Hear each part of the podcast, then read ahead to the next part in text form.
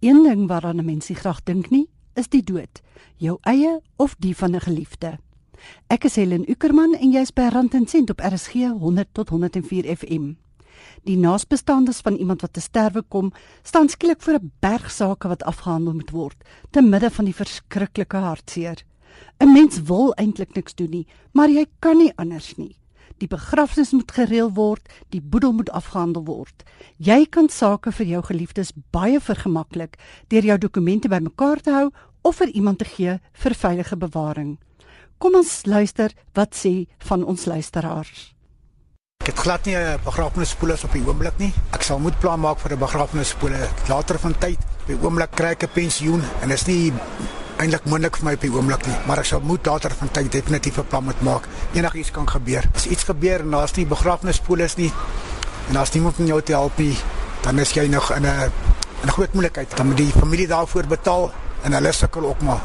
So daar sal pa moet gemaak word. Nee, ek het nie 'n begrafnispolis nie, want ek werk in 'n karparkering en die geldjies is te min. Ek kan dit nie bekostig nie. Ek weet ook nie wat sal gebeur as iets gebeur as iemand sterwe en dan moet ander mense daarvoor betaal, so ek weet regtig nie wat sal ek doen nie. In die toekoms as dit beter gaan, sal ek plan maak om 'n polis te kry sodat ek vir my mense kan sorg.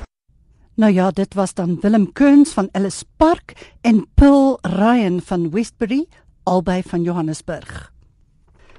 In vandag se program praat ons met Lindwel Clark van die Raad op Finansiële Dienste oor presies wat jou te doen staan om jou geliefdes soveel as moontlik spanning te spaar wanneer jy te sterwe kom.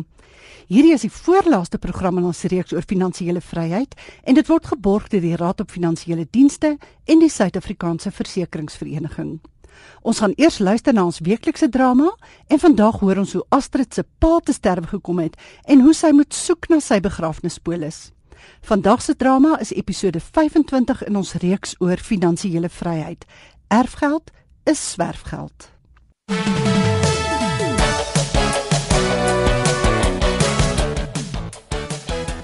Finansiële vryheid episode 25. Erfgeld is swerfgeld. Jy weet, die lewe is so snaaks. Ah, dit kan jy weer sê. Die lewe is vir my meer hard as wat dit snaaks is. Hoekom is julle nou almal so bedruk vandag? My pa is oorlede gisterand. Ja. Ag nee, Astrid. Ek is jammer om dit te hoor. Ja, dis nou wat ek bedoel. Ek ontmoet so 'n oulike man soos Daniel en dinge gaan nou uiteindelik goed in my lewe en nou moet 'n mens sulke slegte nuus kry. Ek is jammer oor jou pa Astrid. Uh, wanneer is die begrafnis? Dit sal seker so by Woensdag gebeur. Dis dis eintlik wat 'n mens onderkry. Jy wil net op 'n hoop sit en treur, maar nou moet 'n mens met al die papierwerk en reëlings doen nog wees. Ja, dit is altyd so 'n onaangename spul. Presies. Dit vat ons nou al 'n hele oggend om uit te vind of hy 'n begrafnispolis gehad het en of ons die geld sal moet opdok. So so simpel ding. My pa glo dat 'n mens al jou dokumente saam moet bære, sodat as iets met jou gebeur, dan kan jou geliefdes alles vind. Hy het so 'n swart leer en daarin hou hy al sy dokumente. Sy testament, sy polisdokumente, afskrif van sy ID-boek en alles. Jy weet mense is nooit lus om te dink aan die slegte dinge wat in die lewe met jou kan gebeur nie. Maar dit is 'n goeie idee om die dokumente bymekaar te hou. Ja, ek en my man sal ook plan moet maak. Wat gebeur met die arme kleinkinders as ons iets oorkom? Mamma is oorlede. Ons het darm lewensversekering en begrafnispolisse, maar ek het nog nooit gedink om alles iewers te sit waar hulle dit maklik in die hande kan kry nie. Jy moet Esther. Kyk hoe sukkel Astrid nou. Ja. My suster het wel ontdek dat my pa 'n lewensversekering polis het. Oh. Dit is 'n goeie ding. Ja, dit is seker. Gaan nogal 'n groot bedrag uitbetaal. Mes voel amper sleg daaroor. Ek bedoel, ek sal eerder my pa hier wil hê as die geld. Dis waar.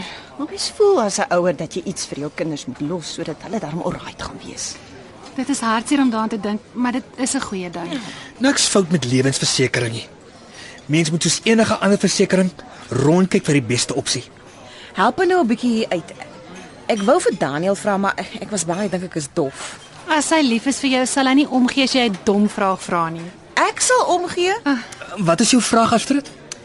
Um, is lewensversekering nou 'n langtermynversekering? Net so.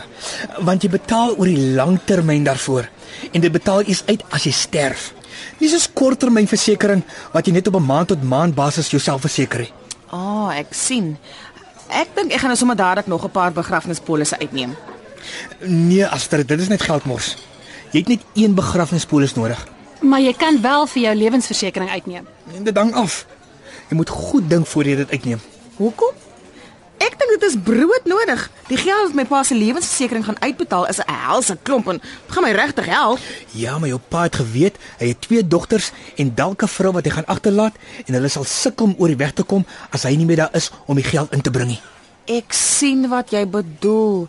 Dit is net ek alleen met geen kind of man nie so as ek die emmer skop sal niemand eintlik erger afwees nie. Presies. Hmm. Dit is belangrik om te besluit of die lewensversekering die moeite werd is en wie gaan daarby baat as jy sterf. My arme pa, hy het nou regtig gesorg dat ons nie gaan sit met al sy skuld en goederes as hy dood is nie. Ek is bly het seker gemaak hy sorg vir julle na sy dood. Die belangrikste ding vir jou nou om te doen Astrid, is om te sorg jy beleeu erfporsie slim sodat jou pa se geld nie gemors word nie. Jy weet wat hulle sê, erfgeld is swerfgeld. Julle twee sê nou vandag vir my 'n belangrike ding. Sal jy my 'n bietjie help, Jacques? Ek wil hê my pa moet trots wees op my. Maar natuurlik. Ek vind beleggings vreeslik interessant. En Astrid, jy moet net sê as daar iets is waarmee ons kan help. Dankie Esther. Maar op die oomblik is dit maar net al die begrafnisreëlings en dinge. Ek moet sommer vanmiddag vir my 'n leer gaan koop om al die belangrike dokumente in te sit. Dis 'n baie goeie wenk wat Beverly vir ons vandag gegee het. Dit is ja. Dit help nie jy het 'n begrafnispolis en lewensversekering en niemand weet waar om die inligting van jou polisse te kry nie. My pa was nog nooit regtig een vir vir papierwerk nie. Ag, gat hom so mis. Maar gelukkig hoef jy nie alleen hierdeur te gaan nie. Jy's reg, Bev. Ek het daarom vir Daniel. Hy's nou 'n man duisend. Ek is bly jy het iemand om jou te ondersteun in die moeilike tyd. Soos Esther sê, sê net as ons kan help. En ek help jou enige tyd om goeie finansiële besluite te neem. Ek gaan jou opvat op daai aanbod, Jacques, want my erfgeld gaan definitief nie swerfgeld word nie. Finansiële vryheid is 'n verbruikersopvoedingsprojek en word aangebied deur die lede van SAIA.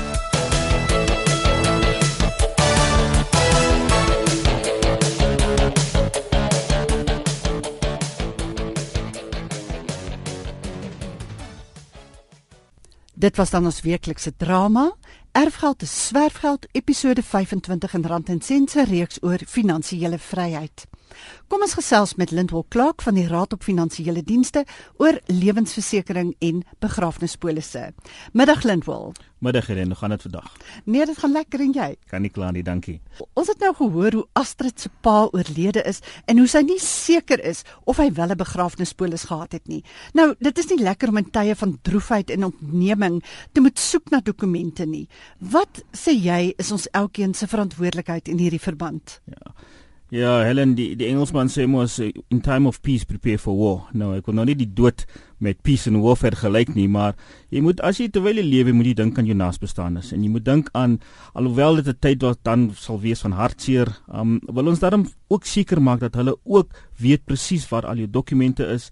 En ek dink is net reg dat voor jy tot sterwe kom dat jy miskien jou sakkies in orde kry, dat jy jou goedjies in 'n leer sit, um miskien vir almal vertel waar dit is. Um en as jy dan miskien mense nie vertrou nie, miskien net 'n prokureur gee of iemand wat jy wel vertrou. In al die afskrifte, dis belangrik dat jy afskrifte van hierdie goedjies ook hou. Jy moet seker maak dat jou naasbestaandes presies weet waar jy dit hou en vir wie jy dit gegee het. Dit is baie belangrik. Maar jy sal ook kyk sal die dae na jou dood, dit sal dit vir hulle makliker maak om 'n sekere reëlings te tref van in daardie tyd is dit baie moeilik vir die wat agterbly en ons wil seker maak dat hulle darm beskermd is en dat hulle presies weet hoe gaan hulle jou begrawe en so voort.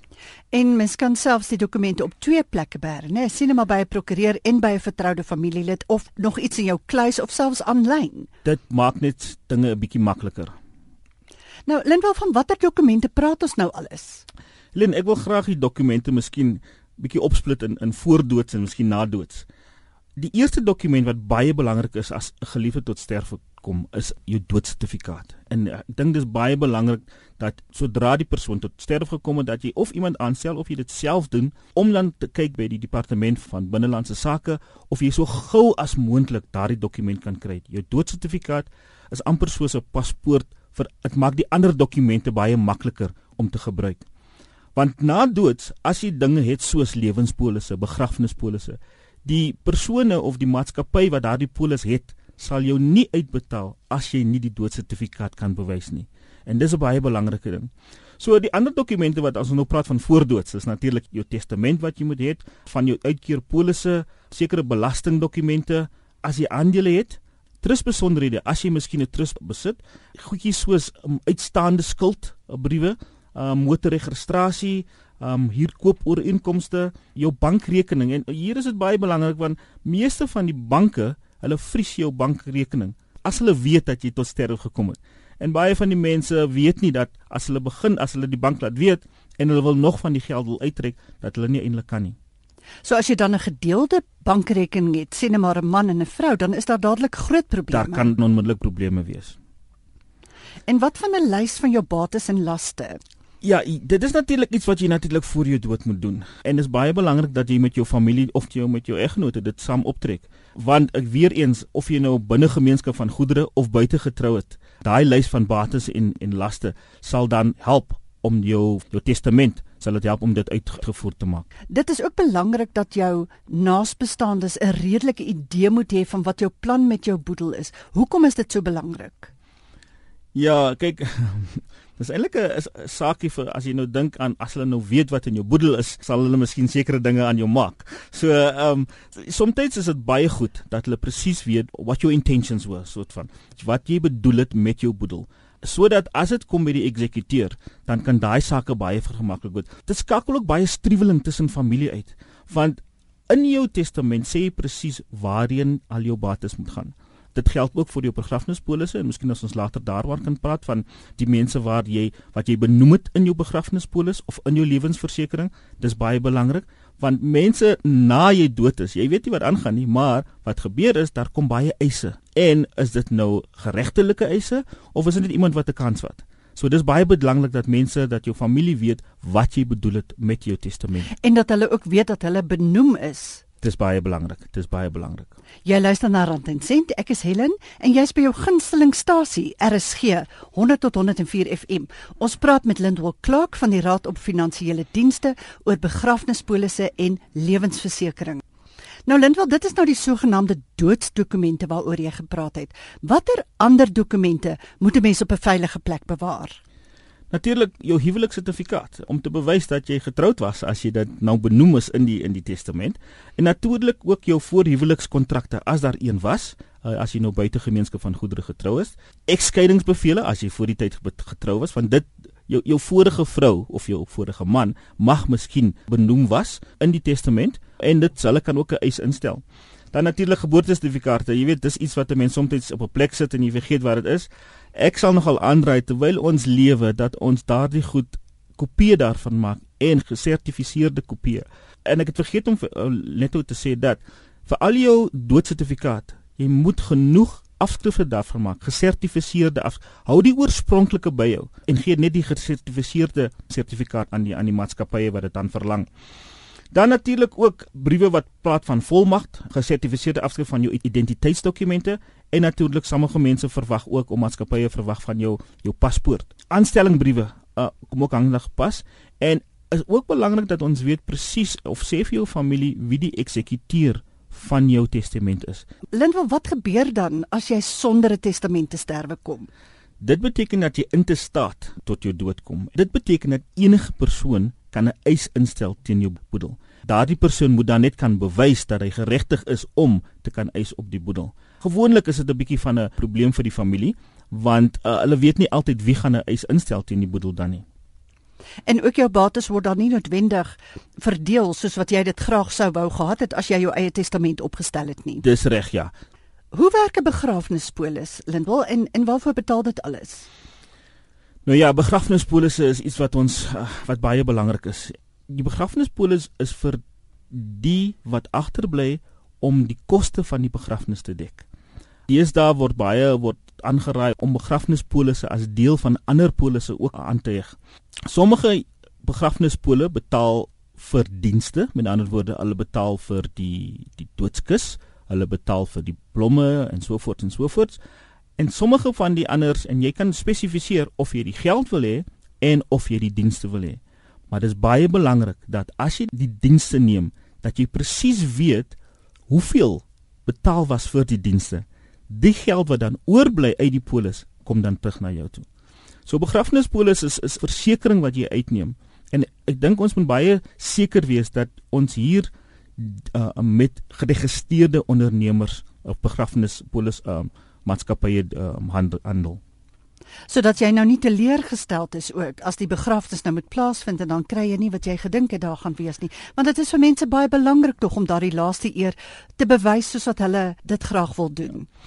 Dit is baie belangrik daai eer bewys maar ons probeer veral vir mense sê daai eer hoef nie vir jou baie geld te kos nie. Ons het 'n situasie waar van families selfs uh, skuld aangaan om mense teen hoë koste doodskiste wat 25000 tot 30000 rand kos. En dit plaas die familie onder dieper skuld as wat hulle aan die begin was. Ons sê altyd you must spend money on the living and not on the dead. Dan is daar nou 'n ander aspek van begrafnispolisse dat hoe langer jy wag om een uit te neem, hoe duurder word dit. Hoe werk dit? Ja, dis baie belangrik. Baie maatskappye het miskien 'n lewensdekking. Dan as deel van die lewensdekking is daar 'n porsie wat na jou begrafnis kan omsien. Maar ek dink dit is belangrik dat ons 'n bietjie navorsing doen. Nou daar's 'n groot verskil tussen 'n begrafnisondernemer en 'n persoon wat vir jou begrafnispolis kan verkoop. Ek dink ons moet seker maak dat as jy 'n polis of as jy geld voor die tyd aan 'n begrafnisondernemer gee, dat daai persoon geregistreer is of die Raad op Finansiële Dienste. Dit is baie belangrik dat ons slegs 'n polis uitneem by geregistreerde maatskappye of persone en dat ons dan seker maak dat eerstens ons weet watter premie ons betaal En dan tweedens ook wat gaan die uitkeerwaarde daarvan wees? Baie mense betaal op 'n begrafnispolis en as dit kom by uitkeertyd, dan koste daarvan is minder as wat die begrafnis self gaan kos. Soos jy gesê dit word baie duurder, maar jy moet net seker maak en weer eens mens wil nie graag voor die tyd gaan navorsing doen as hoeveel kos 'n doodskis en so voorts nie, maar is goed dat jy weet wat as jy 'n polis uitneem, 20000 rand vir 'n begrafnis, is dit genoeg? En wat dan van die wat oorbly? Wat gebruik ek met die geld wat oorbly daarna? Ja, die doel is tog nie net om aan jou eie dood te dink nie, maar wel oor die mense wat agterbly en die koste wat hulle gaan moet betaal. Ja vir die begrafnis. Astrid praat ook van lewensversekering wat haar pa gehad het. Hoekom is lewensversekering so belangrik?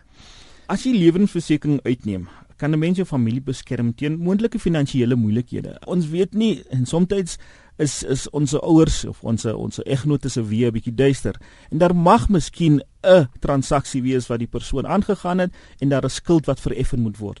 'n Lewensversekering kan help in daardie geval, maar dit is ook belangrik dat ons weet presies wat die dekking was. Ook baie belangrik dat wie die benoemde persoon was wat daai die geld kan kry. As daar nie 'n benoemde persoon is op die polis nie, natuurlik weer eens gaan daai geld in die boedel en dan kan dit gaan na die na iemand wat die persoon wat afgesterf het bedoel het om dit na toe te gaan nie. Nou dit is dan seker baie belangrik dat mense 'n begrafnispolis of 'n lewens lewensversekeringspolis elke jaar laat hersien. Die koste vir jou gesin om te oorleef na jou afsterwe of selfs om net vir die begrafnis te betaal, styg elke jaar. Dis reg, dis reg. Jy moet jy moet kyk na jou behoeftes. Jy moet jy moet altyd kyk wat is my huidige situasie en dan kyk is my dekking genoeg. As jy kyk na lewensversekering, baie van hierdie dekking het dinge soos trauma en as jy miskien in 'n ongeluk beland en jy verloor een van jou bene, um things like disability, so ons moet altyd kyk na wat is behels daai lewensdekking alles. So is nie net as ek tot sterwe kom nie, maar as daar sekere dinge met my gebeur binne my lewensloop dit ook onder daardie polis uh, saamgevat word. Hoeveel lewensversekering het 'n mens nodig? Mense neem dikwels maar 'n polis uit en hoop dan maar vir die beste, maar mens moet seker bietjie meer georganiseerd te werk gaan as dit. Dit hang van jou lewenssituasie af. As jy 'n persoon is op jou eie en daar en jy het nie familie nie, eh, vir wie gaan die lewensdekking as ek dood is? Daar's 'n kombinasie van produkte, lewensdekking, trauma, ongeskiktheid. Maar 'n pasgetroude paartjie, jy moet nou ook dink aan die kinders wat jy gaan hê. Normaalweg sal hulle miskien 'n bietjie minder lewensverdekking hê as 'n middeljarige egpaar met 'n eie woning of mense wat miskien studielenings het, maar ek dink dit is belangrik dat jy gaan sit en kyk, hoeveel kan ek bekostig? Lewensdekking is duur. En as jy kyk as jy as jy as dit net twee persone is met 'n as 'n paartjie is en jy kyk wat sal dit vir my vat om my eggenote gemaklik te laat lewe as ek nie meer daar is nie. Jy moet kyk aan toekomstige inkomste, En daar's baie aspekte van hierdie ding wat ons moet kyk. Maar die belangrikste ding is dat jy moet 'n bietjie rondkyk. You might have to shop around. En tweedens, wat gaan die uitkeerwaarde wees? En vir hoe lank gaan ek moet betaal? Jy moet ook kyk na dinge soos die maatskappy waar ek dit uitneem. Gaan daai maatskappy nog daar wees in 20 jaar se tyd as iets moet met my gebeur? So mens moet dit maar liefs uitneem by 'n betroubare maatskappy en ek dink dit help ook baie om die hulp van 'n gesertifiseerde finansiële beplanner dalk in te roep om jou te help om te bereken wat jou gesin gaan nodig hê as jy eendag nie meer daar is nie. Dis dis 'n belangrike punt ook. Baie van ons voel dat as ek by my by my vriend of ek gaan na die kerk toe of ek gaan na 'n familielid wat miskien 'n bietjie iets weet van finansies, sal ek genoeg advies of ek gaan raad kry om hoe om hierdie dinge te doen. Baie van ons neem ook lewensdekking van 'n familielid uit om vir daai persoon 'n bietjie te help met die kommissie en so voort. Maar dit is altyd goed om te gaan na 'n persoon wat jou nie ken nie, wat 'n objektiewe analise kan doen van wat jou huidige situasie is en wat jou situasie in 'n paar jaar mag wees. So is goed om na 'n finansiële beplanner toe gaan. Meeste van die banke het van dit. Um daar is professionele dienste, uh, spesifieke maatskappye wie se spesialiteit dit is om daardie goed vir jou te kan trek. Hulle sal vir jou kan bereken wat jou uittreewaarde is, teen watter jaar jy sal moet uittreë, wat jou mediese onkoste sal wees. Sal daai lewensdekking jou mediese onkoste kan dek. Jy luister na Rand en Sent op RSG en ek is Helen. Ons praat met Lindwell Clark van die Raad op Finansiële Dienste oor begrafnispolisse en lewensversekering. Lindwell, dit is dus duidelik dat lewensversekering nie net daar is vir die onverskilliges onder ons nie, maar dat dit inderdaad deel is van goeie finansiële beplanning. Dit is baie belangrik hierso dat ons moet kyk na wat is dit wat ek in my sak het? En ons moet begroot daarvoor. As jy nie kan bekostig om lewensdekking uit te neem nie en dit dit gaan die brood van jou tafel afneem, dan moet jy dit nie doen nie. Maar is belangrik dat jy beplan vir die toekoms. Ek sal mense aandui dat hulle gaan na 'n beplanner toe en wees eerlik en jy moet en jy moet vir mense vertel presies alle inligting wat jy het. Ook met lewensdekking is dinge soos het jy vigs? Baie van die lewensdekking verwag van jou om 'n vigstoets te gaan doen. Watter siekte het jy alreeds? Is baie belangrik dat as dit kom by die uitkeer van daai lewensdekking of hulle moet jou ongeskiktheid of jou trauma betaal, en jy het nie vooraf hierdie goed geopenbaar aan hulle nie, dan mag jy die dekking nie uitbetaal nie. As mens bietjie meer spesifiek kan raak, dan kan mens jouself 'n paar vrae afvra soos gaan ek nog kinders in die huis hê wat versorg moet word? Moet daar voorsiening gemaak word vir die kinders se skoolgeld of verdere studies? En soos jy gesê het Lindel, het ek skuld wat vereffen moet word en het my eggenoot genoeg geld om eendag mee af te tree as ek nie meer daar is nie? Ja, nee. Kyk, lewensversekering gee vir jou daai bystand of finansiële bystand vir persone of afhanklikes na die dood. En sulke versekerings het baie gesinne al in staat gestel om uitstaande skulde te vereffen en ach, jy weet om jou daaglikse lewe aan te gaan. Dit dit is so moeilik om aan te gaan met jou daaglikse lewe as jy nog daardie gevoel het van ek moet nog skuld afbetaal. Maar as jy as ten minste daai uit die weg het is, dan kan jy begin hartseer oorkom. Hoe weet ek of iemand by die Raad vir Finansiële Dienste geregistreer is? Jy kan ons bel. Ons het 'n tolvrye nommer 0800 202087. Ek herhaal 0800 202087. Dis 'n tolvrye nommer. Jy kan ons skakel, jy kan vra is meneer X geregistreer, is maatskappy Y geregistreer en ons sal dan vir jou kan sê. Jy kan ook op ons webwerf gaan www.fsb.co.za en daar sal jy ook kan kyk onder die departemente, die Vice departement watter maatskappy geregistreer is. Ons sal daar ook vir jou kan sê of die maatskappy op die oomblik besig is of daar prosesse is wat ons moet deurgaan om die maatskappy miskien te debar, maar bel die tolvrye nommer 0800 202087 en hulle sal vir jou presies kan sê of daai maatskappy geregistreer is al dan nie. Lindwel baie dankie vir die gesels. Ek dink die luisteraars sal saamstem dit was baie waardevolle inligting wat jy aan ons verskaf het. Baie dankie Helen. Dit was dan Lindwel Clark van die Raad op Finansiële Dienste oor begrafnispolisse en lewensversekering. Bel gerus die Sahia oproepsentrum in kantoorure by 083 913 3003 as jy verdere inligting verlang. Ek herhaal gou die nommer 083 913 3003. Onthou julle kan my volg op Twitter by Helen Ukerman of op Facebook by Rand en Sent Helen Ukerman en hierdie program kan jy in MP3 formaat aflaai op RSG se webwerf rsg.co.za. Die webwerf van die Raad op Finansiële Dienste weer fsb.co.za. En daar is sommer baie wenke om te kry oor hoe om jou persoonlike finansies suksesvol te bestuur. Dit is Helen Ukerman wat groet. Geniet die res van die Sondag en volgende week maak ons weer so.